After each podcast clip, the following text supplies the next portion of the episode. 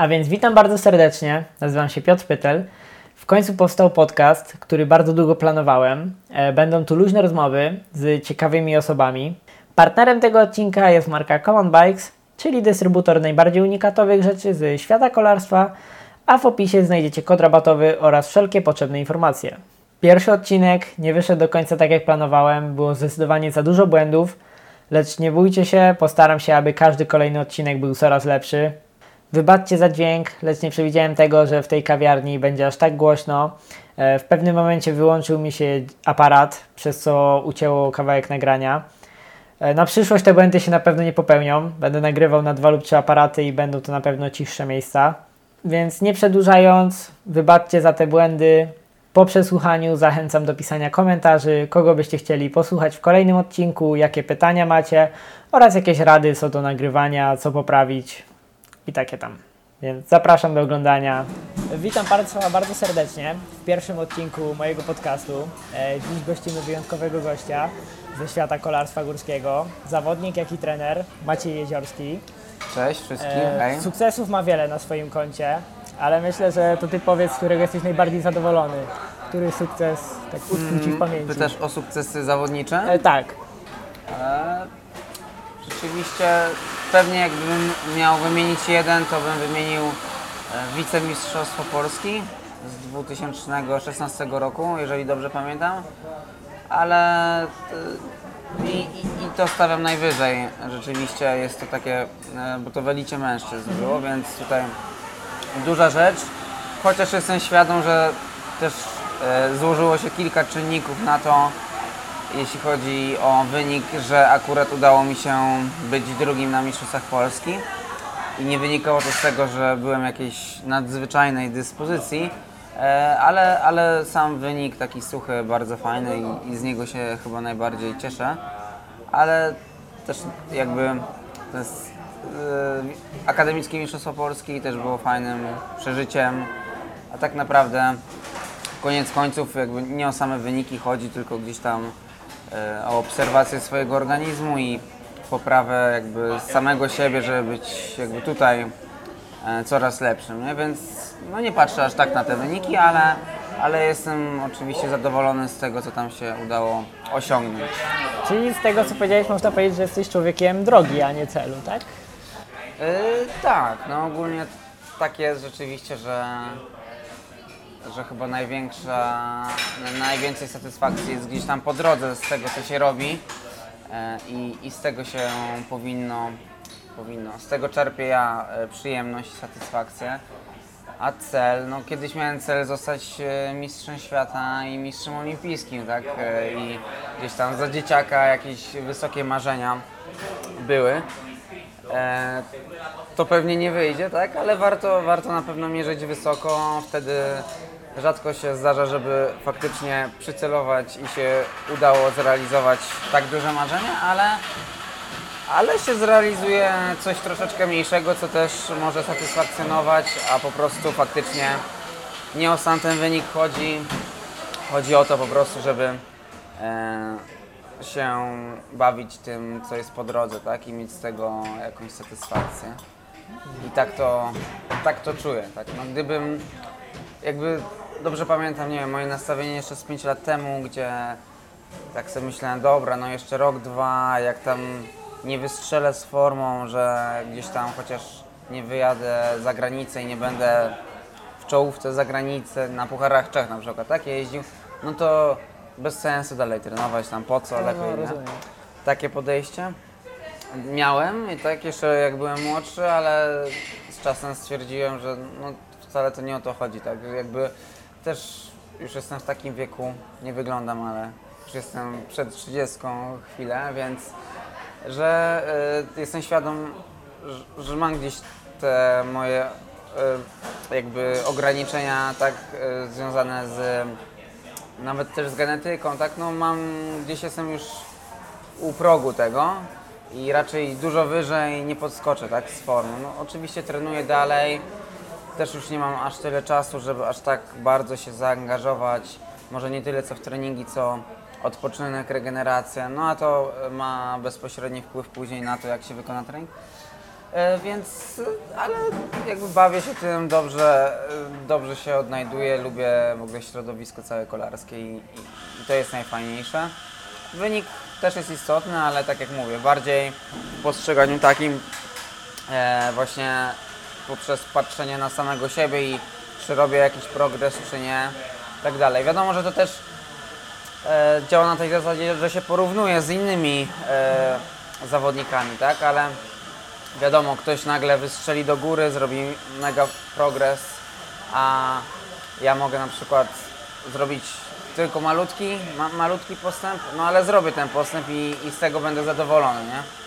Więc tutaj rzeczywiście te wyniki no, mają Są takim dodatkiem do treningu. tak, tak. Oczywiście zawody, zawody, rywalizacja motywuje, żeby faktycznie wyjść i zrobić e, konkretny trening, nie? Trzymać się konkretnego planu treningowego.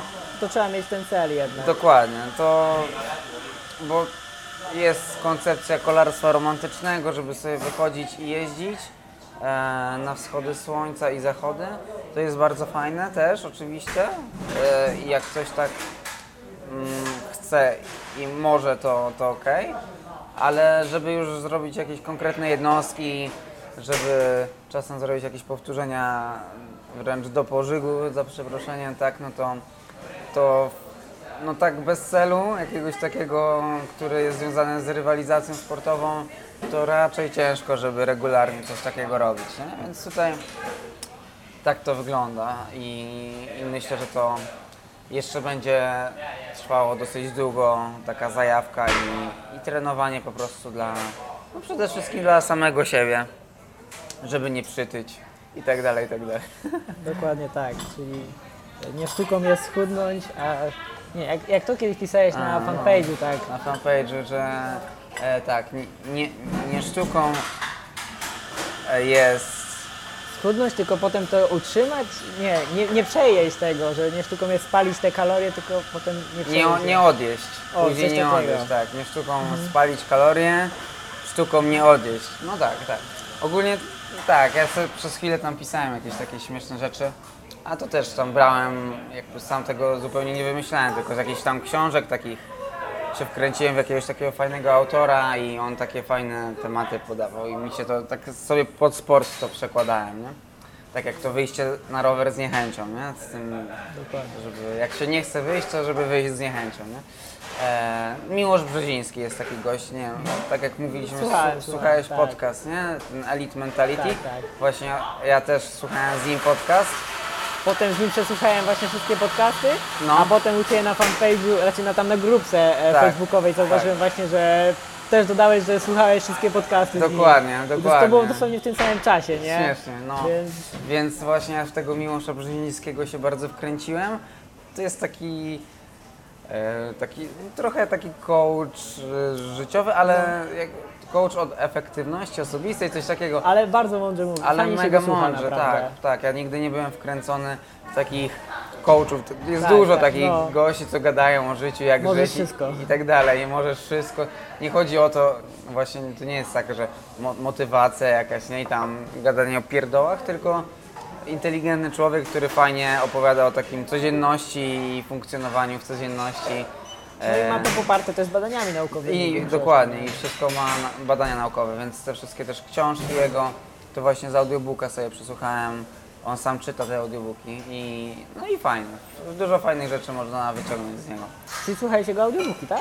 Tak, tak, tak. No, A z polecam ciekawości sobie Polecam przejrzę tobie. No, on ma temat. tam chyba ze 3-4 książki takie. Znaczy chyba ma ich więcej, ale dużo, znaczna część jest o biznesie. Tego jeszcze nie przesłuchałem, ale e, tam no, takie właśnie ży- życiowe książki, które do każdego myślę trafią, nie? I To dobra, na, pe- I- na i pewno sobie fajnie sobie posłuchać, no. Audiobooki to też fajna rzecz rzeczywiście. Przy okazji długich treningów można słuchać, nie? Także Tak spoko. jak wcześniej już rozmawialiśmy. Dokładnie. E, Jak w ogóle sobie. do tego doszło, że zostałeś trenerem? Skąd ten zamysł, kiedy się to pojawiło? Mm. No wiesz co, zamysł y, zostania trenerem można powiedzieć, że już ma już długoletnią historię, bo myślę, że gdzieś tam już widziałem w sobie taką rolę E, idąc na, na studia, a że mam dzisiaj 28 lat, a na studia się idzie w wieku 19 lat, no, czyli powiedzmy, że z 10 lat temu, tak? E, już jakby wcześniej trenowałem i też trenując e, zawsze starałem się to robić świadomie. Miałem jakiegoś trenera, ale też sam lubiłem sobie pogłębić wiedzę co, jak, gdzie, po co. Czyli to nie było tylko, że trener wysyła ci, ty trenujesz i tyle i zapominasz o tym, tylko jednak się tak zagłębiałeś w te Tak, tematy, tak. co to daje. Tak, dokładnie. Zagłębiałem się tam, ta Biblia treningu kolarza górskiego. ka- Podstawowa chyba książka, tak. którą każdy przeczytał. Tak, każdy ją e, już pewnie przeczytał, kto się interesuje kolarstwem górski, górskim zwłaszcza. E, i, I też mnie interesowały tematy w ogóle, też jednym z niewielu przedmiotów e, w, jeszcze w liceum, który mnie interesował, to była biologia, właśnie tak e, jeśli chodzi o organizm człowieka, nie? czyli fizjologia jakaś. No i też później fizjologia wysiłku, sam sobie czytałem, poszedłem później na ten AWF. No i na AWF-ie już oczywiście edukacja taka w sporcie, sam dalej trenowałem i, i co? No i, i tak to poszło w tym kierunku. Ja też oczywiście po drodze miałem kilku trenerów, m, którzy mnie wiele nauczyli, e, za co też jestem wdzięczny. No i też nie da się ukryć, zobaczyłem, że jakby można być trenerem i jakoś sobie z tego, no można, Wyżyć. można tak e, pracować, nie? E, Że, i, I coś tam z tego mieć. E, więc, no i, więc tak naprawdę już powiedzmy ty, na, naście lat temu wiedziałem, że chcę to robić, nie? Tylko e, też e, miałem taki komfort i to jakby jestem tego, tego świadom, że w wieku 19 czy 20 lat e, nie miałem jakiegoś ciśnienia ze strony rodziców, rodziny, nie, żeby dorabiać, tak, że jakby no miałem taki komfort, zaplecze, miałem dom, e, rodziców, którzy wspierali mnie, tak. Akurat no, mama, mama raczej chciała, żebym robił coś innego, tak, w sensie jakiś lekarz, coś, sama mnie na studia jakieś zapisywała, o czym ja nawet nie wiedziałem czasami, no w ogóle śmieszne akcje. E, ale, tu, ale też jest, dziękuję za wiele rzeczy. No tutaj raczej ze strony taty był, było takie podejście, żebym po prostu rozwijał się w takim kierunku, jakim chcę. On od zawsze widział, że sport to jest moje całe życie. E, żebym szedł na WF spokojnie, żebym sobie studiował, tam niczym się innym nie martwił, tak i mnie wspierał, wspiera dalej oczywiście. Teraz już aż tak bardzo nie musi, ale gdzieś tam w trakcie studiów, później poszedłem na studia podyplomowe, jeszcze też trenerskie, dwa kierunki. Więc jakby nie. Wiadomo, że różne są sytuacje w życiu, tak? I niektórzy po prostu już yy, gdzieś tam w wieku, nie wiem, 20 lat, no muszą decydować, jakieś podejmować decyzje, szukać pracy i gdzieś tam, nie wiem, mieszkać może sami. No ja tutaj nie miałem czegoś takiego. Też nie miałem jakby, ani nikt, nikt mnie nie wyganiał z domu, e, ani sam nie miałem takiej potrzeby, nie? I było mi dobrze. E, Więc jakby skupienie się w 100% na, tym, na, na tej edukacji, no i na swoim trenowaniu też, nie? E, I tak naprawdę studia podyplomowe to dalej ja tylko trenowałem i się uczyłem. E, Już się wkręcałem w tą trenerkę, więc tutaj, no i tak naprawdę co, ostatnie 2-3 lata to już mogłem tak głę- głębiej wejść w działalność swoją trenerską i w tej chwili prowadzę tą działalność trenerską, no i sam dalej trenuję na tyle, ile mogę. Jest tego czasu już znacznie mniej, ale, ale dalej jest i, i na pewno będzie, bo jakby... Kolarstwo dopiero się rozwija też w Polsce, nie? Więc to się rozkręci, myślę. Też pewnie, no się zmienia, różne ma tam, ewoluuje, e, raz się rozwija, raz się zwija, e, różnie to bywa, E, ale no chodzi o to, że, że jakby na pewno na jakimś poziomie sobie będę jeździł cały czas, tak, bo to jest po prostu taka zajawka, taka pasja i to no każdy powinien mieć coś swojego, co lubi robić i żeby to robił, nie? I tutaj ja jeżdżę na rowerze i to jest też fajna przerwa gdzieś tam w pracy, od siedzenia przed komputerem. No, nie da się ukryć, że e, takie, taka zdalna opieka trenerska, no bo takim czymś się przede wszystkim zajmuję, no to jednak jest sporo, sporo siedzenia przed komputerem, nie? Plus jakaś tam dalsza edukacja, to też siedzenie przed komputerem czy przed jakimiś tam papierkami, to jednak fajnie jest po prostu w środku dnia na przykład wyjść na trening i tak sobie od tego uciec, uwolnić głowę i dodatkowo wtedy często fajne pomysły jakieś do głowy przychodzą, nie? Jak- Ale też e, praca przy komputerze to jest strasznie, moim zdaniem, e, ciężki temat, żeby dysponować tak czasem. W sensie, Mhm. ja zawsze jak mam jakieś na przykład zadanie albo coś mam zrobić przy komputerze dłuższego, to po godzi- godzinkę porobię, potem trochę Tak. tu muzyki, trochę czegoś i jest, Jest, jest, bardzo to jest ciężko skupić się. duża umiejętność, to prawda, to mm, no, mam już kilka sposobów, które między innymi jakby zapożyczyłem od tego Miłosza Brzezińskiego, który też tam o efektywności pracy opowiada, tak, ale faktycznie trzeba taką samodyscyplinę wrzucić sobie e, do pracy. Też no jesteś w domu, nie idziesz do biura, tak, więc w sumie jesteś w domu, tak, możesz sobie w piżamie być i, i cały dzień leżeć w łóżku, tylko że z komputerem. E, no więc jest kilka trików, tak, że z daleka od siebie smartfon, e, włączasz na przykład przypomnienie co 40 minut, które, no tak jak nie wiem, jak w szkole, nie? że masz tam budzik na, na 10 minut luz, później znowu, nie, jakimiś tam etapami e, i to działa faktycznie, żeby sobie to zorganizować. No i chyba kluczem jest smartfon daleko, nie? I nie mieć, tak. e, nie mieć odpalonych innych zakładek, jak jakiś Facebook. To jest, Wyłączone powiadomienia, myślę, to jest tak, tak, wyłączone powiadomienia. Inna sprawa, że ja też przez Facebooka, jakby na Facebooku sporo pracuję, się komunikuję z zawodnikami, no ale to jakby też trzeba rozdzielić sobie najpierw pracę gdzieś tam na planach, a później pracę typu dzwoniąc do zawodników, czy pisząc z nimi na, na Messengerze, e, czy jakieś maile im powysyłać, także jest to umiejętność, ale e, na pewno jest tak, że jakby sport, tak? I tutaj też trochę przygotowa- przygotuję, przygotowuję pod to, żeby e, sobie taką samodyscyplinę wyrobić, nie? I w sensie jakby myślę, że nie każdy jest stworzony, nie każdy by potrafił po prostu w domu siedzieć i pracować e, i się skupić na tym i robić tą robotę regularnie, tak jak powinien. E, no a jakby sport od dzieciaka uczy tego, że że musisz coś robić regularnie, musisz się na czymś skupić, żeby mieć jakieś efekty, nie? I, i więc wydaje mi się, że no w ogóle sport ma wiele innych wartości, które gdzieś tam wpaja od, od dzieciaka. No ale między innymi tutaj wydaje mi się, że nieźle potrafię gdzieś tam tą robotę wykonywać w domu i, i sobie narzucić jakiś tam rygor, którego się staram trzymać. Na, jak na razie. E, Też powracając do tematu treningowego i trenerskiego, to skąd głównie czerpiesz wiedzę?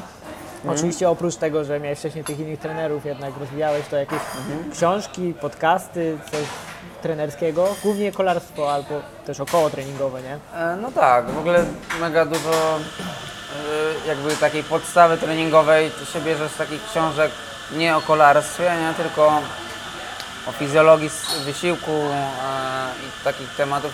Dużo jest jednak anglojęzycznych rzeczy, jakichś artykułów e, z internetu.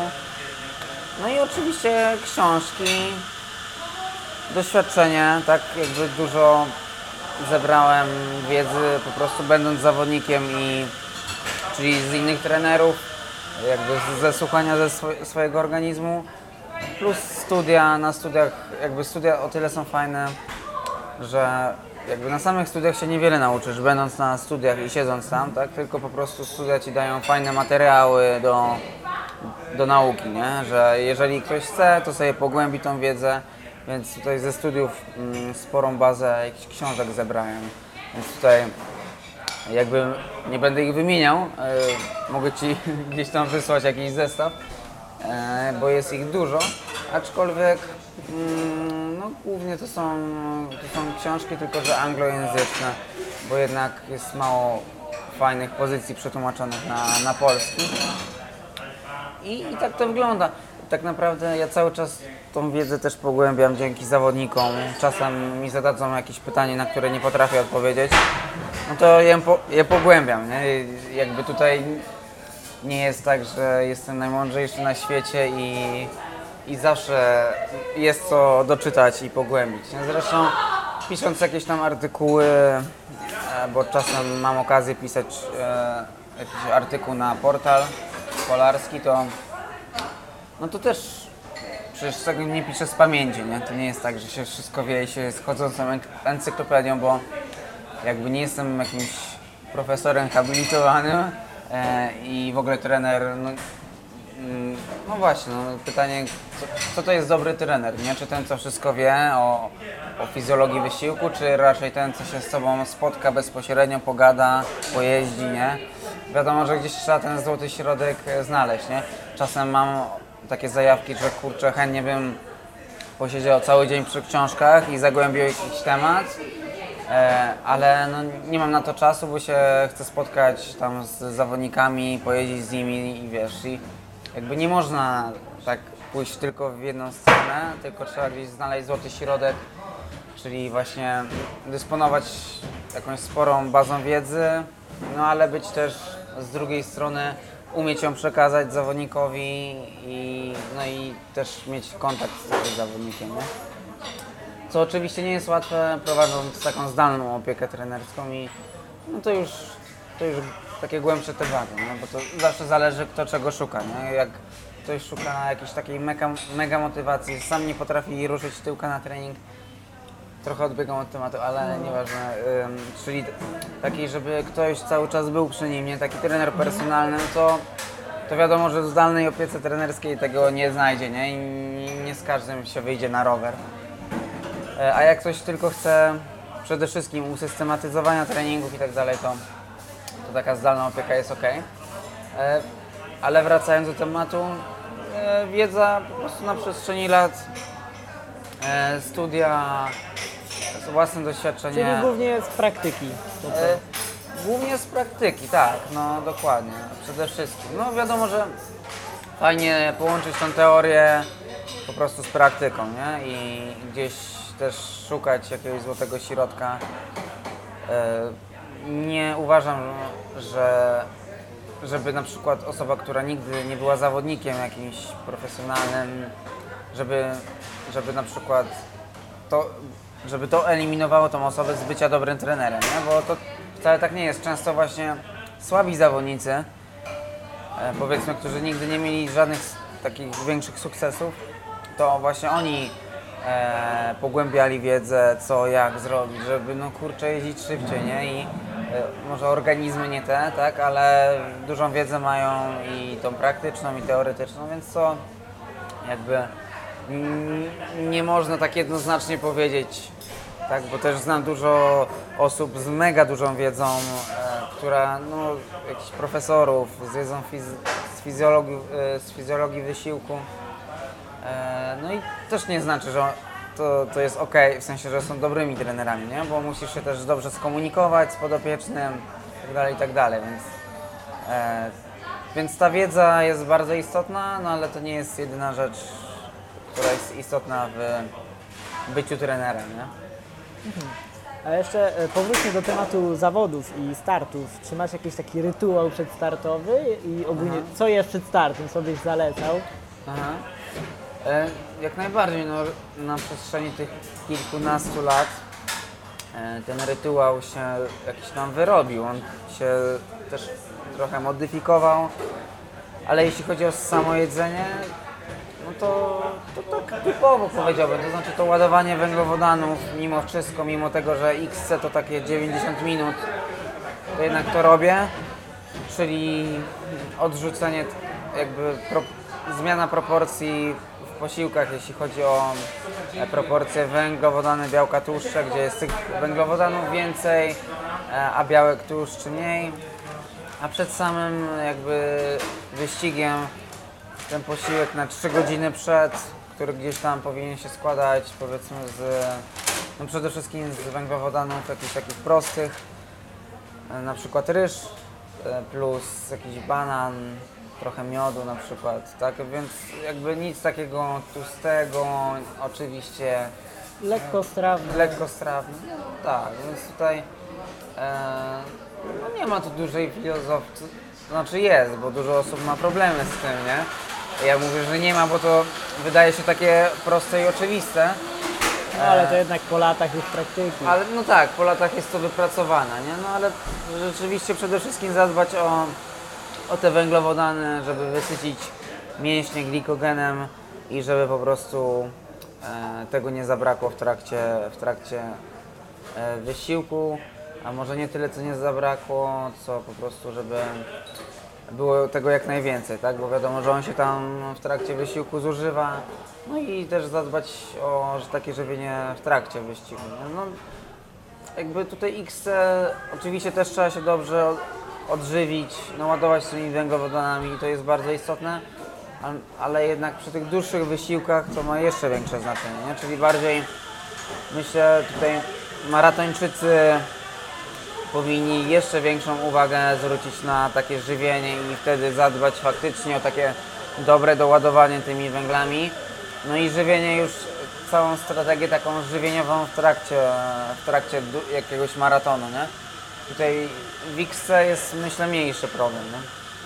Jak ktoś ma długi, długi maraton, no to musi się zastanowić, czy jechać go na samych żelach, czy może na jakimś batonie, co dobrze toleruje, czego nie i tak dalej, i tak dalej. To jest podejście indywidualne też głównie. No, dokładnie, dokładnie. Także tutaj... Ale wiadomo, że jakby ta rutyna przedstartowa to nie tylko żywienie, nie? Tam jest dużo innych kwestii typu właśnie no, kwestie treningowe. To też zależy, czy, czy ten wyścig jest istotny, czy nieistotny, czy jedzie się go treningowo, tak, czyli na może większym zmęczeniu trochę. Dużo jest kwestii, nie? Przygotowanie sprzętu, dojazd, e, kiedy dojechać najlepiej, na jakieś zawody i tak dalej, i tak dalej. No, kiedyś miałem taki okres, że na, na, na, na Puchary Polski to jeździłem dwa albo trzy dni przed, nie? Też miałem taką, taką, to znaczy nie, że się stresowałem jakoś strasznie tym, ale po prostu chciałem już na dwa dni przed być przed, e, przed zawodami być już na, na miejscu, nie, już mieć spokój, taki wiesz, no tak bardzo się nastawiałem.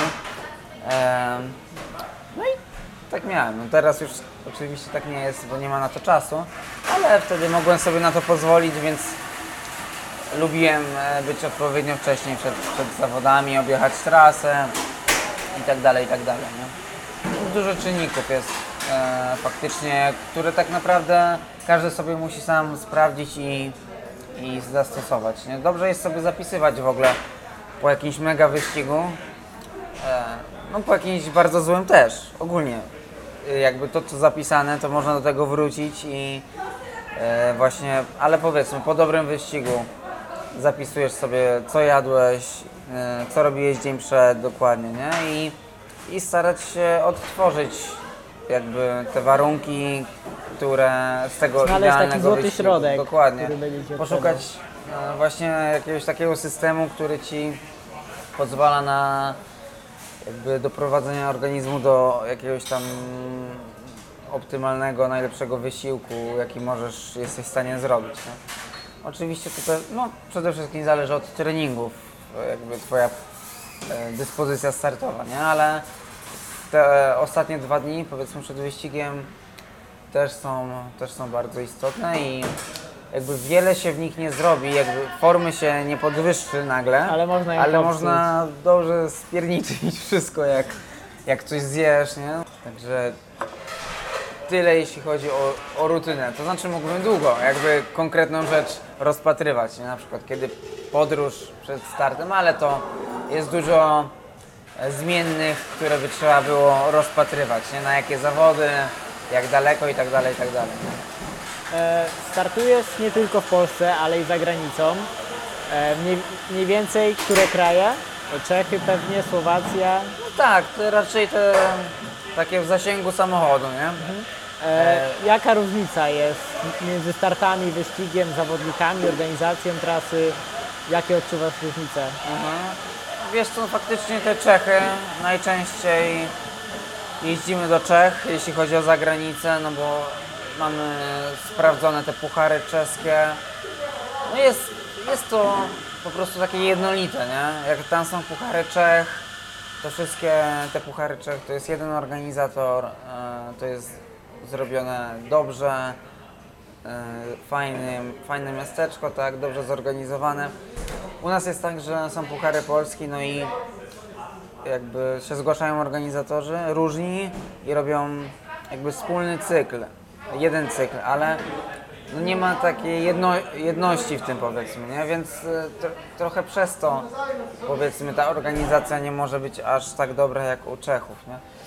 W ogóle Czesi, Czesi no, no są pod wieloma względami bardziej ogarnię, ogarniętym narodem niż, niż Polacy. Niestety, niestety, no jakoś po prostu mają taką też mentalność może bardziej bardziej sportową, takiego aktywnego wypoczynku. Jak swojego czasu grałem w tenisa, to tam też w ogóle polscy tenisiści, pamiętam, jeździli do Czech trenować z jakichś tam względów. Więc w wielu dziedzinach.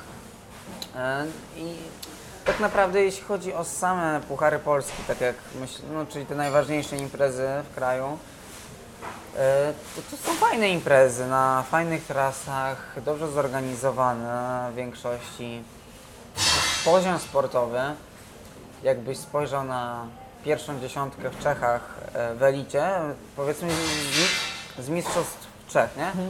XC. Pierwsza dziesiątka w Czechach i pierwsza dziesiątka u nas, to kurczę, tam nie ma jakiegoś e, mega, mega różnicy. Tak naprawdę e, ja mam takie fajne porównanie, bo z takim konkretnym Czechem się porównuję, który jeździ na podobnym poziomie jak ja, może ciut, ciut lepszym, nie? Ale bardzo podobny. No i on kończy dziewiąty u siebie, ja kończę dziewiąty w Polsce, nie? Więc i no ta, tam jest ok, Ching, Kulawy, który już tak raczej sobie już odchodzi jakby z tego sportu. To znaczy nie wiem, no ale jeździ wolniej. Tak, no to my mamy Wawaka, który jest w pierwszej dwudziestce tak naprawdę, Marka Konwę, więc jakby poziomowo w elicie na Nie razie, na razie tak. nie, nie ma jakiegoś, jakiejś przepaści. Nie? W tych młodszych kategoriach faktycznie widać u Czechów, że, że tam mają ogarnięty ten sport młodzieżowy, te kluby, inaczej wygląda, nie? W ogóle inaczej wygląda miasteczko w Pucharach Czech. No, jakby spytałeś się o starty, o starty zagraniczne, ja porównuję nas do Czech, bo no, tak Głównie naprawdę... Głównie w Czechach, nie? Tam w Austrii bywało kilka startów, kilka, no to dosłownie kilka, ale głównie Czechy. Więc e, widać po tych klubach, że tam, no nie wiem, jest to, mają więcej kasy, może jest to lepiej zorganizowane, że tam jak przyjeżdżają klubem ci Czesi, to się fajnie rozstawiają. E, te dzieciaki mają fajny sprzęt e, i, i jest to, no tutaj jakby u młodzieży to widać.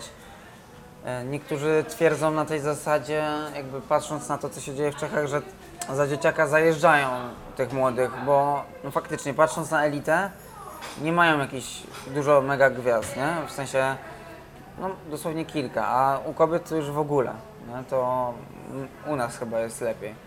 E, Ale u dzieciaków mają dużo takich juniorów mocnych, tak? Czy tam juniorów młodszych, którzy na tych młodzieżowych mistrzostwach Europy wysoko kończą.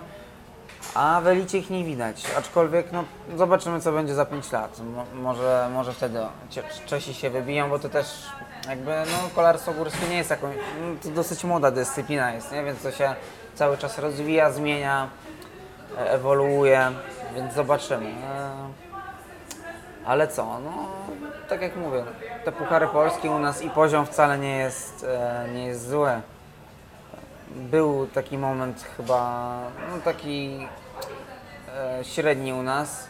Ja wtedy byłem drugi na mistrzostwach Polski w elicie. No to też nie da się ukryć, że po prostu tam była jakaś tam luka też. Oni oddzielili wtedy starty, już nie będę e, Orlika z elitą, nie będę chodził o szczegóły. A teraz to, to, to mamy naprawdę wielu mocnych zawodników, mamy fajne teamy, bo jest JBG, jest Volkswagen, jest Cross. Tak, no też ich nie ma dużo, ale no kolarstwo górskie ogólnie nie jest jakimś dużo, nie jest dużą W dyscypliną. porównaniu nie? do szosowego. w porównaniu do szosowego. E, i, I w Czechach też e, nie ma dużo e, jakby teamów w kolarstwie górskim, które tam oferują fajne kontrakty, z których można dobrze żyć, nie? No i w Polsce też nie ma, no bo to, taki jest tak naprawdę ten sport, no, jest mocno niszowy, a no a porównywanie się do Szwajcarów, no to niekoniecznie ma chyba sens, nie? Bo to inny w ogóle, e, no inny kraj, po prostu, bardziej zamożny. i- A też e, co do kolarstwa górskiego, dlaczego taki wybór, a nie na przykład, nie wiem, kolarstwo szosowe, enduro, downhill, dyscyplin jest wiele? Wiesz co, myślę, że tak jak każdy dzieciak zaczynałem od kolarstwa górskiego, jednak rzadko kiedy chyba nie słyszałem, żeby nie wiem, dzieciak poszedł, miał szosówkę i wyszedł na szosę, nie? Tylko zaczynało się od wycieczek z tatą e, rowerowych po lesie i tak zostało, jakby nigdy mnie nie ciągnęło na szosę. Miałem okres, gdzie gdzieś tam była nawet szansa przejść do jakiegoś teamu szosowego, ale po rozmowie z tym prezesem z szosy w ogóle wyczułem ten klimat taki jakiś nieprzyjazny, nie? I, i jakby nie udał, nie udał się ten transfer, z czego się dzisiaj się cieszę, no. Teraz jestem już tak, myślę, mocno, no teraz to już za późno na jakieś zmiany, ale jestem, się czuję zakorzeniony tak mocno w kolarstwie górskim, że nawet no, nie chciałbym iść na szosę. Źle się w ogóle czuję też w grupie, w peletonie. No to kwestia objeżdżenia pewnie po prostu. Ale kolarstwo górskie wydaje mi się też daje taką większą wolność. Możesz wszędzie wjechać e, sobie w jakiś teren. Nic cię nie ogranicza, nie? Nic cię nie ogranicza, jesteś bardziej tam jakby związany z naturą, przyrodą, w lesie, nie? Gdzieś tam mieszkając w Warszawie, na szczęście na obrzeżach, ale jednak no to wyjeżdżanie na tą szosę, gdzie najpierw trzeba się trochę tam przebić przez te bardziej ruchliwe ulice. Światła, wszystko, mijające auta, wszędzie tak. tiry No, tak jak mówię, na szczęście mieszkam na obrzeżach i nie ma z tym tragedii, no ale mimo wszystko, no a, a jak mam okazję wjechać sobie po prostu za dom w las, bo na szczęście mam las za domem, e, Mazowiecki Park Krajobrazowy i tam być z dala od wszystkich, od, od samochodów, od wszystkiego, no to, no to kolarstwo górskie jest po prostu pod tym względem mega fajne i, i tutaj jakby też kwestie związane z techniką, e, z objazdami rund, różne są trasy. e, Sama, jakby dużą atrakcją jest sama trasa w wyścigu, nie? że jedziesz do Jele- Jeleniej Góry i się tym jarasz, bo masz fajną techniczną trasę i sobie ją przejedziesz. No to ten cały klimat, nie? Jakby tutaj kolarstwo górskie jest mniejszym sportem, jest mniejsza kasa, co oczywiście można co nie jest dobre w pewnym sensie, tak? Tam nie jedziesz i nie wygrywasz kilku tysięcy za wyścig czy coś takiego, jakby mniejsze nagrody. Ale to z drugiej strony dzięki temu jakby jest, wydaje mi się, że ta atmosfera jest Ten taka, klimat, wiesz, bardziej, tak, tak. taka bardziej koleżeńska, przyjazna, nie? No bo nie da się ukryć, co, jakby też, no myślę, że mało kto tam ściga się, bo nie wiem, bo tam zarabia na tym, czy coś takiego. E, Ale jednak, no, gdyby, gdyby to był większy sport, e, gdzieś tam bardziej zarobkowy e, i, i większe te nagrody, no, też by była taka większa presja, nie? Taka niezdrowa. Mm, Nie myślę o sobie, myślę, żeby mi się nie włączyło coś takiego jak gdzieś tam większa rywalizacja i chęć chęć, nie wiem, gdzieś tam bycia jak najlepszym, bo jest kasa do wygrania większa, ale, ale na pewno na pewno dzięki temu, że to jest sport bardziej niszowy, to jest taki e, bardziej nazwałbym to te wyścigi takie bardziej rodzinne, nie? Jakby jak też już jestem w tym sporcie od nastu lat, to po prostu to środowisko się zna bardzo dobrze. Też mam raczej taką osobowość, że staram się unikać konfliktów. Nawet komuś przyznać rację, jak wiem, że ja mam rację i nie, nie, nie staram się na siłę e, komuś wpychać swojej racji, nie, nie muszę. Chyba, że są takie sytuacje, że trzeba udowodnić coś, ale no i ogólnie się dogaduję z ludźmi i, i czuję się mocno związany z tym środowiskiem, nie? więc tutaj e, pod tym względem nigdy bym w tej chwili nie przyszedł do szosy, nie? gdzie tam nie znam ludzi i tak dalej, i tak dalej. E, jakie czynniki według Ciebie wpływają na sukces w kolarstwie pod względem Stwórz taki idealnego zawodnika, który jest skazany na sukces, że tak powiem. Co by musiał mieć, jakie zaplecze ze sobą i jakie cechy charakteru też tutaj najważniejsze. No ciekawe pytanie.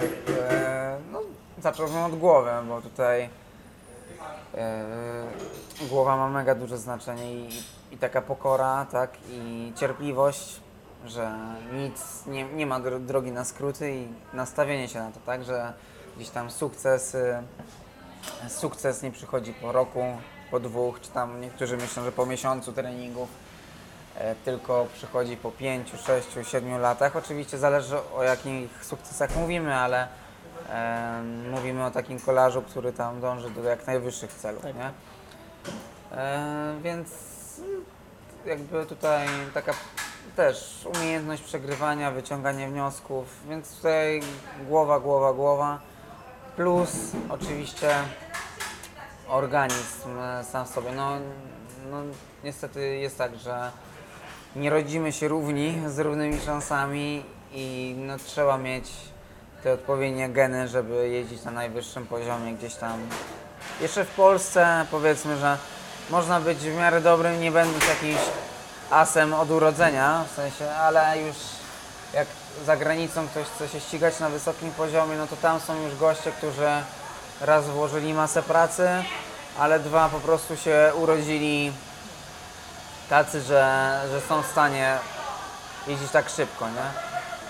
Więc y, talent plus ciężka praca, po prostu, nie? Y, no i, i ta głowa, jakby też już na przestrzeni tych kilkunastu lat widziałem wielu, wielu talentowanych y, zawodników, czy to w moim wieku, czy, czy młodsi, którzy przychodzili tam, wybijali się w juniorze młodszym, juniorze, no i, i na przykład kończyli na juniorze, nie? No bo gdzieś tam mieli, no, czy im się nie podobało już, czy się wypalili i tak dalej, i tak dalej. Także tutaj no przede wszystkim ktoś musi chcieć i, i się odpowiednio nastawić tak psychicznie nie, na to, a jeżeli ma talent, także tutaj sama, sam organizm no niewie, niewiele, niewiele daje, jeżeli nie ma do tego odpowiedniego nastawienia i odpowiedniej głowy. Więc pytałeś się o idealne cechy charakteru, tak? Tak, e, a tak ogólnie takie zaplecze na przykład, jakie byłoby potrzebne? Takiego stworzenia? E, zaplecze. Oczywiście, wiesz, no, jak w każdym sporcie zawodowym czy tam wyczynowym jest tak, że im głębiej się wchodzi w ten sport, tym e, te po- zapotrzebowanie e, takie finansowe, zaplecze finansowe jest coraz bardziej istotne i, i tak jest w każdym sporcie, nie? Czego byś nie robił, im dalej, im głębiej, tym chcesz mieć to, tamto, tym jest Ci potrzebna opieka trenerska, fizjologa, sprzęt itd., itd. Ale tutaj akurat kolarstwo górskie jest o tyle fajnym sportem, fajnym i niefajnym, można to różnie rozpatrywać, ale że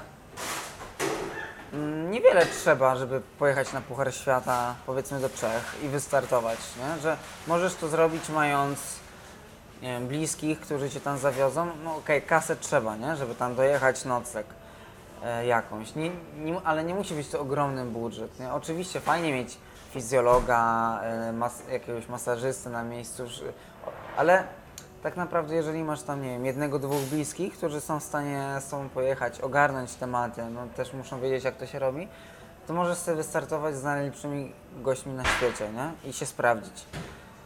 Em, więc tutaj uważam, że nie musi być jakieś kosmiczne zaplecze, żebyś ty się, że- żeby się wybić w kolarstwie górskim. Nie? To nie jest szosa, gdzie ty musisz mieć jakiś ogromny team, żeby pojechać i się jakby rywalizować z najlepszymi. Nie? Tutaj nie musisz mieć teamu żadnego, tak naprawdę.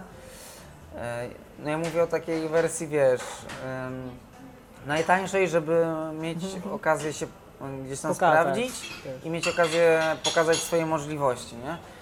Więc e, zresztą niedawno z jednym z trenerów e, z, też sobie rozmawialiśmy i tak przytakiwaliśmy, że kurczę teraz no, często jest takie nastawienie, że przychodzi jakiś e, młody zawodnik z talentem i, i chce wszystkiego, nie? W sensie chce, kurczę, żeby mieć rower taki, taki i taki, chce, żeby go dowieść, wymasować, wszystko pod nos zanieść, nie?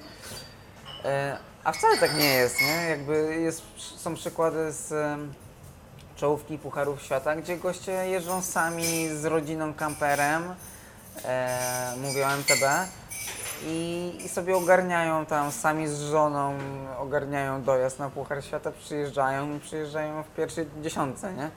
E, Więc e, tutaj kolarstwie górskim nie trzeba wiele tak naprawdę. E, oczywiście fajnie mieć wiele i fajnie mieć to Ale, zaplecze. ale można zrobić to niskim kosztem bardzo. Można to zrobić jakimś niskim kosztem, to znaczy stosunkowo niskim kosztem, No. nie? I tak koniec końców umówmy się, to, że sam fakt, że już ktoś jeździ na rowerze, trenuje, ma fajny rower, no to ju- już niewiele osób sobie może na to pozwolić tak naprawdę, w sensie tak procentowo do populacji, tak? Że, że ma czas na to, że może poświęcić jak- jakiś tam e, swój, swój czas w ciągu dnia na trenowanie, na odpoczynek. E, ale tak, więc tutaj tak mówię w kontekście takim, że naprawdę warto. Nie- należy oczekiwać zbyt wiele, no bo po prostu prawda jest taka, że nie ma takiego zaplecza w kolarstwie górskim, jakby się tam wymarzyło, tak? Jest niewiele teamów, które zapewnią wszystko. E, to nie, nie, nie jest taka kasa jak na szosie na przykład. I na to trzeba się nastawić, a przede wszystkim e, trzeba wykazać jakby trzeba wykazać e, chęć do tego, żeby gdzieś się rozwijać i samemu sobie starać ogarnąć niektóre tematy i, i można to zrobić. No jakby nie chcę się podawać jakiś, jak, jako jakiś mega przykład, e, ale podam swój przykład, jak miałem dwa sezony, gdzie po prostu jeździłem pociągami na wyścigi e, i to telepałem się tymi pociągami po całej Polsce, bo wtedy jeszcze nie miałem, miałem już prawo jazdy chyba, ale nie, miałem auta żadnego. E, tam jakby wtedy jeździłem WKK, ale WKK tak, e, wtedy jeszcze nie było tak dużym klubem, więc nie było takich wspólnych wyjazdów dalej w Polskę. No i jeździłem i, i było bardzo fajnie, mega dobrze wspominam ten czas w ogóle, chętnie bym... Dobra, no nie, auto mieć fajnie i to jechać. Ale są większe przygody, myślę. E, ale, takie. ale przygody fajnie. Nie wiem, czy bym wrócił e, do tego, ale pociągiem chętnie bym się przejechał na wyścig. Chociaż raz, żeby sobie przypomnieć, nie? Więc kurczę, można. Można z budżetem e, 300 zł pojechać na wyścig na drugi koniec Polski, pojechać ten wyścig i wrócić, tak? E, za 200-300 zł, nie? Po prostu jedziesz pociągiem, siadasz w pociąg, bierzesz nocleg, agroturystykę za trzy dyszki, e, jedziesz wyścig i wracasz. No i jak masz zajawkę, to, to kurczę, każdy będzie kombinował tak, żeby spiąć sobie taki budżet i, i się pościgać, nie? No, więc y, jakby podsumowanie tego zaplecza, nie trzeba wiele i nie powinno się jakby żądać wiele, żeby, żeby się ścigać na, na, na przyzwoitym poziomie w kolarstwie górskim, nie?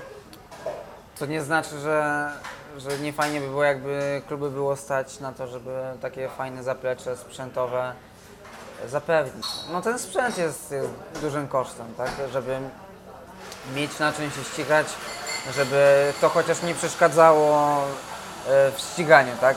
Bo wiadomo, że sprzęt nie wygrywa, ale można dużo tracić na sprzęcie, nie? Więc tutaj e, ten rower jest, jest sporym kosztem, ale mając, mając rower już, już niewiele trzeba, tak? Nie, Myślę i tak, że na przestrzeni lat te kluby kolarskie już pozyskują coraz więcej sponsorów, więc No, jest już tak. łatwiej o ten sprzęt w, w klubie. Chyba tak, chyba tak. No właśnie tak, Czesi są fajnym przykładem. Tam jest jakiś dobry system, że chyba, nie, nie znam szczegółów, teraz tak trochę gadam, e, bo gdzieś usłyszałem, nie, że tam każdy klub po prostu z góry tam, gdzie by się nie zgłosił, do tych czes czeskich producentów, takich Superior jest na przykład, to tam od razu 50%, za 50% rowery, coś tak, no ma- mają to jakoś lepiej ogarnięte, nie? Tak, tak słyszałem i u nas może też trochę tego brakuje, no ale to jest jakiś tam e, szerszy temat tym zapleczem, nie? W każdym razie, no,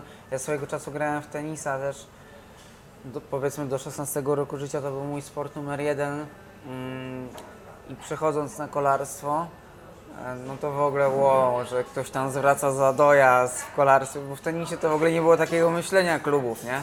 W sensie, no nie da się ukryć, tenis to był, te kluby tenisowe to takie mocno nastawione, za przeproszeniem, e, może brzydko powiem, no, ale na dojenie rodziców z kasy po prostu, nie? Że no, strasznie kosztowny sport, więc e, być może z jakąś tam ze szczęściem mój tata przyjął, że wolę kolarstwo niż tenisa, nie? W pewnym momencie musiałem zadecydować e, i poszła decyzja na kolarstwo. No i w kolarstwie tutaj rzeczywiście znacznie mniejsze te wydatki były i też jakiś rower e, wtedy warszawski klub kolarski ogarnął, no i można było się ścigać. No i, i się cieszę. A teraz takie dwa pytania, ale w sumie można to połączyć w jedno, czyli jak uniknąć przetrenowania oraz kontuzji, bo z jednej strony przetrenowanie to bardzo łatwo można kontuzji nabrać, Mhm. więc myślę, że to jest połączone i jakby tego, jak zminimalizować ryzyko ko- wystąpienia kontuzji i Kontuzji, przetrenowania. przetrenowania. No wiesz, też takie, e, to jest ogólne pytanie, no bo tak naprawdę w dużym skrócie można by powiedzieć, że po prostu e, planując właściwy, tak zwany speriodyzowany plan treningowy, nie? Czyli gdzieś e, w planie, jakby w procesie treningowym masz okres e, ciężkiej pracy, to znaczy okres treningu, czyli gdzieś tam budowania tego zmęczenia też, a później musi być chwila luzu, żeby wypocząć i znowu później dokładasz obciążeń już trochę większych, czyli ta periodyzacja, czyli taki podział na okresy, nie tam mikrocykl, mezocykl i tak dalej. W każdym razie uniknąć przetrenowania, no najlepiej w taki sposób, żeby były te okresy faktycznie odpoczynku, nie? E, I tutaj no, nie można cały czas nawalać, nawalać, bo e, bez odpoczynku ta forma nie pójdzie do góry. Nie? To tak jakbyś e, fajnym przykładem jest po prostu podanie czegoś takiego, że spróbuj pojechać na wyścig i go dobrze pojechać po czterech bardzo mocnych dniach treningowych, nie bez odpoczynku. No wiadomo, że do dupy go pojedziesz, bo będziesz zmęczony, nie? I będziesz w niskiej formie. Ta forma dopiero urośnie, jeżeli ty sobie odpoczniesz i wtedy faktycznie na, taki, na takim wyścigu może pójść dobrze, jeżeli odpoczniesz po mocnym okresie, więc e, tutaj przede wszystkim te pamiętanie o tym, że odpoczynek też jest potrzebny i jest tak samo ważny jak sam trening, nie? Że tutaj nie można zapomnieć o tym odpoczynku i nie można tylko dokładać, dokładać i dokładać. No i, i faktycznie tak jak mówisz, jest tak, że te kontuzje powstają często w wyniku przetrenowania. E, No nie mówimy o kontuzjach jakieś tam kraksy czy coś takiego, nie, bo to jest inny typ, ale takie przeciążeniowe kontuzje, no to e, wynik przetrenowania. Akurat kolarstwo jest, w sumie fajnym sportem pod tym względem, że że takie przeciążeniowe kontuzje, no na przykład w porównaniu do biegania, tak, nie są zbyt często, wiesz, tutaj te stawy nie dostają aż takiego uderzenia e, i tak naprawdę ten ruch na rowerze jest dosyć bezpiecznym ruchem, nie? W sensie tutaj, e, tak jak mówiłem, stawy jakoś bardzo nie cierpią, wręcz Wręcz często na rehabilitację się daje jazdę na rowerze, jak tam kolano chce wrócić do sprawności i tak dalej. Nie? E, No ale jakby tutaj, więc to jest fajne z jednej strony, a z drugiej dosyć niebezpieczne, bo dosyć możesz się łatwo zajechać, nie będąc nawet świadomym, że to robisz, nie? Bo w bieganiu, jak jesteś przemęczony, to zaraz coś cię może zacząć boleć, czy po prostu nie jesteś w stanie bie- biec, tak? A na rowerze w sumie zawsze się jakoś przeturlasz na tym rowerze, nie? Zawsze tam przekręcisz tą nogą. Do mety. Więc tutaj ma to swoje plusy i minusy, jakby ta forma ruchu. E, ale tak, no jakby na, najprostszy sposób na nieprzetrenowanie się to właściwie poprowadzić trening, e, proces treningowy tak, żeby te e, okresy regeneracji były po prostu, nie? I, i tyle. No i wtedy na pewno lepiej być, jak to się ładnie mówi, niedotrenowanym niż przetrenowanym, nie? Czyli jak się tam czuje, że coś kurczę nagle przestało iść i nie wiesz o co chodzi, dlaczego, prze- przecież jeszcze chwilę temu miałem super formę, to zazwyczaj dobrze jest po prostu zrobić chwilę luzu, wrócić do treningów i w 90% to pomaga, nie? Po prostu chwila luzu. A też często jest tak, że ludzie się nakręcają strasznie. Jak zaczyna iść, jest ok, forma jest ok, o to ktoś chce więcej, więcej, więcej, kurczę, jedziemy z tematem. Nie, nie odpoczywamy, trenujemy, nie? No i to jest y, błąd, tak? To jest częsty błąd, że właśnie wtedy jak jest super, super, to dobrze jest zrobić chwilę luzu i jechać dalej z tematem, no żeby nie przegiąć pały, że tak brzydko powiem e, i żeby faktycznie się nie przetrenować. E, inna sprawa, że niektórzy, niektórzy nawet jakby chcieli, nie potrafią się przetrenować, bo bo to no już takie cechy charakteru wchodzą, nie? Niektórzy po prostu nie ma opcji, żeby się przetrenowali, bo co chwila czegoś tam nie robią, ale są takie typy, które faktycznie by tylko dokładały i dokładały nie? i trzeba wtedy stopować po prostu. E, Masz własną działalność trenerską. E, Teraz mamy pandemię, można powiedzieć. Dalej trwa. czas e, trwa, tak. koronawirusa. E, Czy wpłynęło to jakoś mocno na Twoją działalność trenerską? Jakieś straty może? No, masz też działalność tak naprawdę internetową, więc myślę, że nie No do końca, tak, ale tak, internetową, jak- jak chociaż związaną e, do pewnego stopnia e, ze startami, tak, zawodników, w sensie zawodnicy się szykują pod konkretne wyścigi, e, które były zawieszone i tak naprawdę no, do lipca ich na pewno nie będzie. Znaczy, no, wczoraj się ścigaliśmy, ale większości tych wyścigów nie będzie. E, I ta motywacja zawodników faktycznie e, troszeczkę siadła. Nie mówię o wszystkich, ale o części. Ale jeżeli mam jakby bezpośrednio odpowiadając na Twoje pytanie, to, to nie. To tutaj na szczęście na szczęście to jakoś bardzo nie wpłynęło na, na, na działalność i no nie jest to coś takiego jak na przykład trener taki personalny, nie na siłowni. No tutaj ta branża taka fitness bardzo ucierpiała, bo raz, że zamknęli wszystkie siłownie i dopiero, nie wiem, chyba po trzech miesiącach je, wczoraj chyba otworzyli tak, dopiero no, siłownię. dokładnie, jakoś odblokują. Em, no to też ci trenerzy personalni działają głównie na, tak, w kontakcie indywidualnym jeden na jeden. No to tutaj rzeczywiście ta działalność moja jest w dużej mierze oparta na, na internecie. Oczywiście jakieś tam wspólne treningi no, musieliśmy zawiesić, ale, ale to, to, to bardzo nie ucierpiało. No wręcz, wręcz trochę przeciwnie, można by powiedzieć, że miałem trochę więcej też czasu, jakby nie było wyjazdów, więc mogłem pomyśleć o jakimś ewentualnie rozwoju, jakie kolejne kroki zrobić i tak dalej, i tak więc pod tym względem nic się złego nie stało, ale tak trenersko to oczywiście jakby brak startów e, wprowadza duże zamieszanie, powiedzmy zamieszanie w jakby cały proces treningowy, nie? W sensie niektórzy zawodnicy nie ścigali się od 9 miesięcy prawie, nie? To jest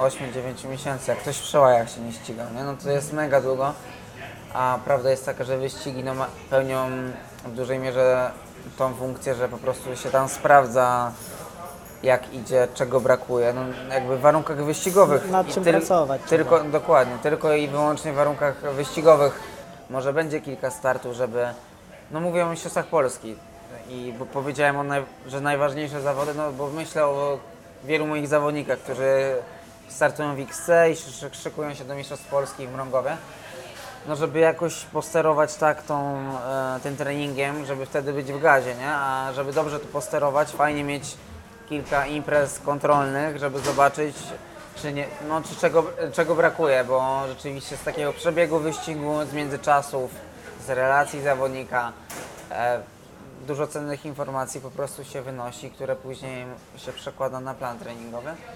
Więc e, pod tym względem, no to dla, dla trenera to również był nie tylko dla zawodnika, ale dla trenera ciężki, ciężki okres. Też no, tych zawodników trzeba było jakoś podtrzymać. Ja akurat jakby będąc zupełnie szczerym, bo jestem ogólnie optymistą, też rozmawiałem z zawodnikami, mówiłem, że będzie ściganie w tym roku, że to, bo sam pewnie widziałeś, czytałeś, że mnóstwo zapowiedzi było, że no Że już nic nie ten rok w w ogóle roku, że stracony. w ogóle... Przyznam, że mnie Nie trochę iry, irytu, irytują takie negatywne, pesymistyczne informacje y, oparte o nic, nie? W sensie Dokładnie. ktoś na 100% pisze, że w tym roku ściganie nie będzie. No sk- skąd to wiadomo, nie? Tymczasem wczoraj, 6 czerwca, A wczoraj się ścigaliśmy, nie? Pewnie widziałeś, tam swojego czasu w kwietniu chyba wpisałem, a moim zdaniem w maju jeszcze się pościgamy, nie? Tak, tak trochę dla żartów, żeby była taka równowaga, nie? Do tych pesymistów. No i co? I się pomyliłem o tydzień, nie? W sumie, bo, no bo się wczoraj ścigaliśmy 6 czerwca, więc na szczęście wracamy do ścigania, no ale powoli. Ale tych zawodników też trzeba było tam w miarę podtrzymać, żeby, żeby im się chciało, nie? I żeby trenowali, bo faktycznie każdy gdzieś tam to poczuł, nie? Na motywacji. I ja to No, poczułem. I... po sobie, że I każdy, nie? Jednak no te, te wyścigi, te starty no, zmuszają do tego, żeby, żeby trenować konkretnie, trzymać się jakiegoś tam założeń treningowych i ta, ta niewiadoma jakby była najtrudniejsza, bo też innego, co innego jest jak nie masz kontuzję, no i zawsze mniej więcej można, mniej więcej wiesz ile, nie wiem, kość się wzrasta tak, tak, i, kiedy się wróci, i kiedy wracasz, nie? To no, masz ten termin mniej więcej podany, a tutaj nic na- nie wiadomo. Nie tak wiadomo, naprawdę. jeszcze co chwila czytasz w internecie, że w tym roku się nie pościgamy, a w ogóle to jak za dwa lata się pościgamy, to będzie ok. Były takie i Tak, są dalej. też czytałem te jakieś- komentarze. Wiesz, no nie, przełaje to też nie będzie, wiesz, oby za rok, żeby się pościgać. No i takie bzdety ludzie piszą i później ja jakby w pełni świadomości też mnie to irytuje, że wiem, że to inni zawodnicy czytają, moi zawodnicy to czytają, nie takie pesymistyczne informacje. Na motywacji bardzo, No. bardzo siada. No, ale jeśli chodzi o samą działalność y, trenerską, jakby tak powiedzmy y, biznesowo, tak, no to y, tutaj nie, nic poważnego się na szczęście nie stało, co nie znaczy, że się nie stanie, bo wiesz, jest tak, że e, wiele branży, firm to dopiero może zacząć w ogóle odczuwać to zaraz, ten cały kryzys może nadejść, nie wiadomo jak szybko się to odbije. Ludzie jak nie mają kasy, no to mogą na, na początku zrezygnować z jakiegoś swojego hobby i tak dalej, i tak dalej, więc nie można mówić hop, tak? Że to się chyba kończy powoli, chociaż u nas to jest taka jakaś stagnacja. E, to nie znaczy, że, że już to mija i teraz tylko będzie lepiej, nie? Tutaj trzeba być bardzo ostrożnym z tym.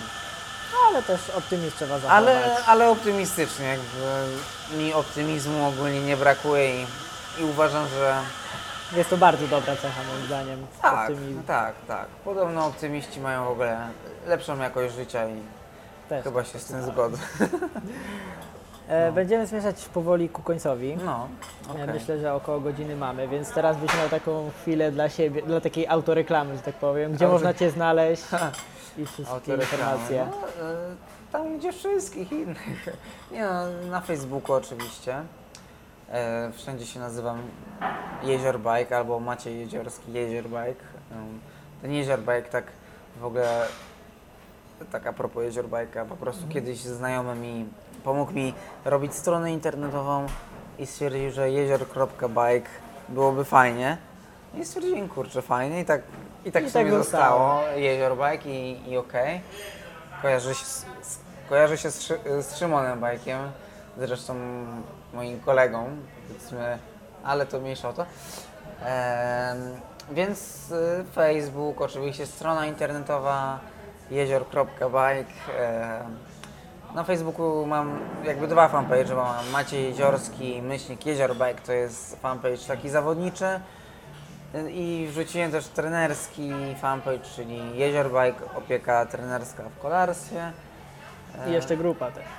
No są Kącik grupy wiedzy. oczywiście, kącik wiedzy, jezior bajek, tak. Oczywiście tam. wszystko będzie podane w opisie. A, wszystkie no tak, linki. jeszcze jest y, grupa, którą tam kiedyś założyłem właśnie na temat tam ustawek i treningów e, na wesołe, nie? Na tej rundzie, co się wczoraj ścigaliśmy. E, No i chyba tyle, no. Jakby na YouTubie mam, mam nawet tam kanał, ale, ale to nic tam nie wiedziałem. nie, nie, nie działam jakoś tam zbyt rzetelnie, aczkolwiek oczywiście chodzi mi to po głowie. No i to jest wszystko kwestia czasu, nie? E, Żeby no nie można wszystkiego robić naraz dobrze, więc raczej na razie ten kanał na YouTubie to tam ni- nic się nie będzie działo fajnego, ale może Ale kiedyś. kto wie. Może kiedyś. No jakby, jakby w ogóle ta forma komunikatu, takiego filmu jakiegoś zrobienia jest, jest fajna i fajniejsza niż zdjęcie i podpis, powiedzmy. To znaczy fajniejsza, inna, nie? E, Tylko nie oglądana moim zdaniem. no, tylko też trzeba umieć to zmontować. Ja jestem totalnie słaby w tym, e, ale też no, u nas niewiele osób ze środowiska robi coś fajnego. No, Michał Topór jest takim przykładem. Tak, widziałem ostatnio jak się No. rozkręcił. Dobrze, dobrze. Nie no, fajnie, fajnie robi. No wiadomo, jak się chce jakby robić to, co się lubi, no to i jakby być w tym kolarstwie, to dobrze jest też się rozwijać, nie tylko trenować, tylko gdzieś tam na takich, żeby to pokazać, no po prostu. E, jakoś fajnie. No, więc tak, więc Facebook, Instagram też oczywiście i strona i, i tyle na razie. No dobra. No to dziękuję bardzo za wyczerpujące odpowiedzi. Dzięki. Jestem Również. zdecydowanie usatysfakcjonowany. No i Spoko. mam nadzieję, że jeszcze nie raz będzie okazja porozmawiać i coś No, na pewno, na pewno przy okazji na zawodach, nie? Zdecydowanie. Fajna, fajna forma jakby też e, zdobywania wiedzy i w ogóle słuchania sobie rozmów z różnymi osobami, więc fajnie, że mogłem tam coś pogadać i coś e, się podzielić jakimś, jakąś wiedzą i doświadczeniem. Także co? Również dziękuję. Dzięki. No, na Dziękujemy razie. za Hej, oglądanie. cześć.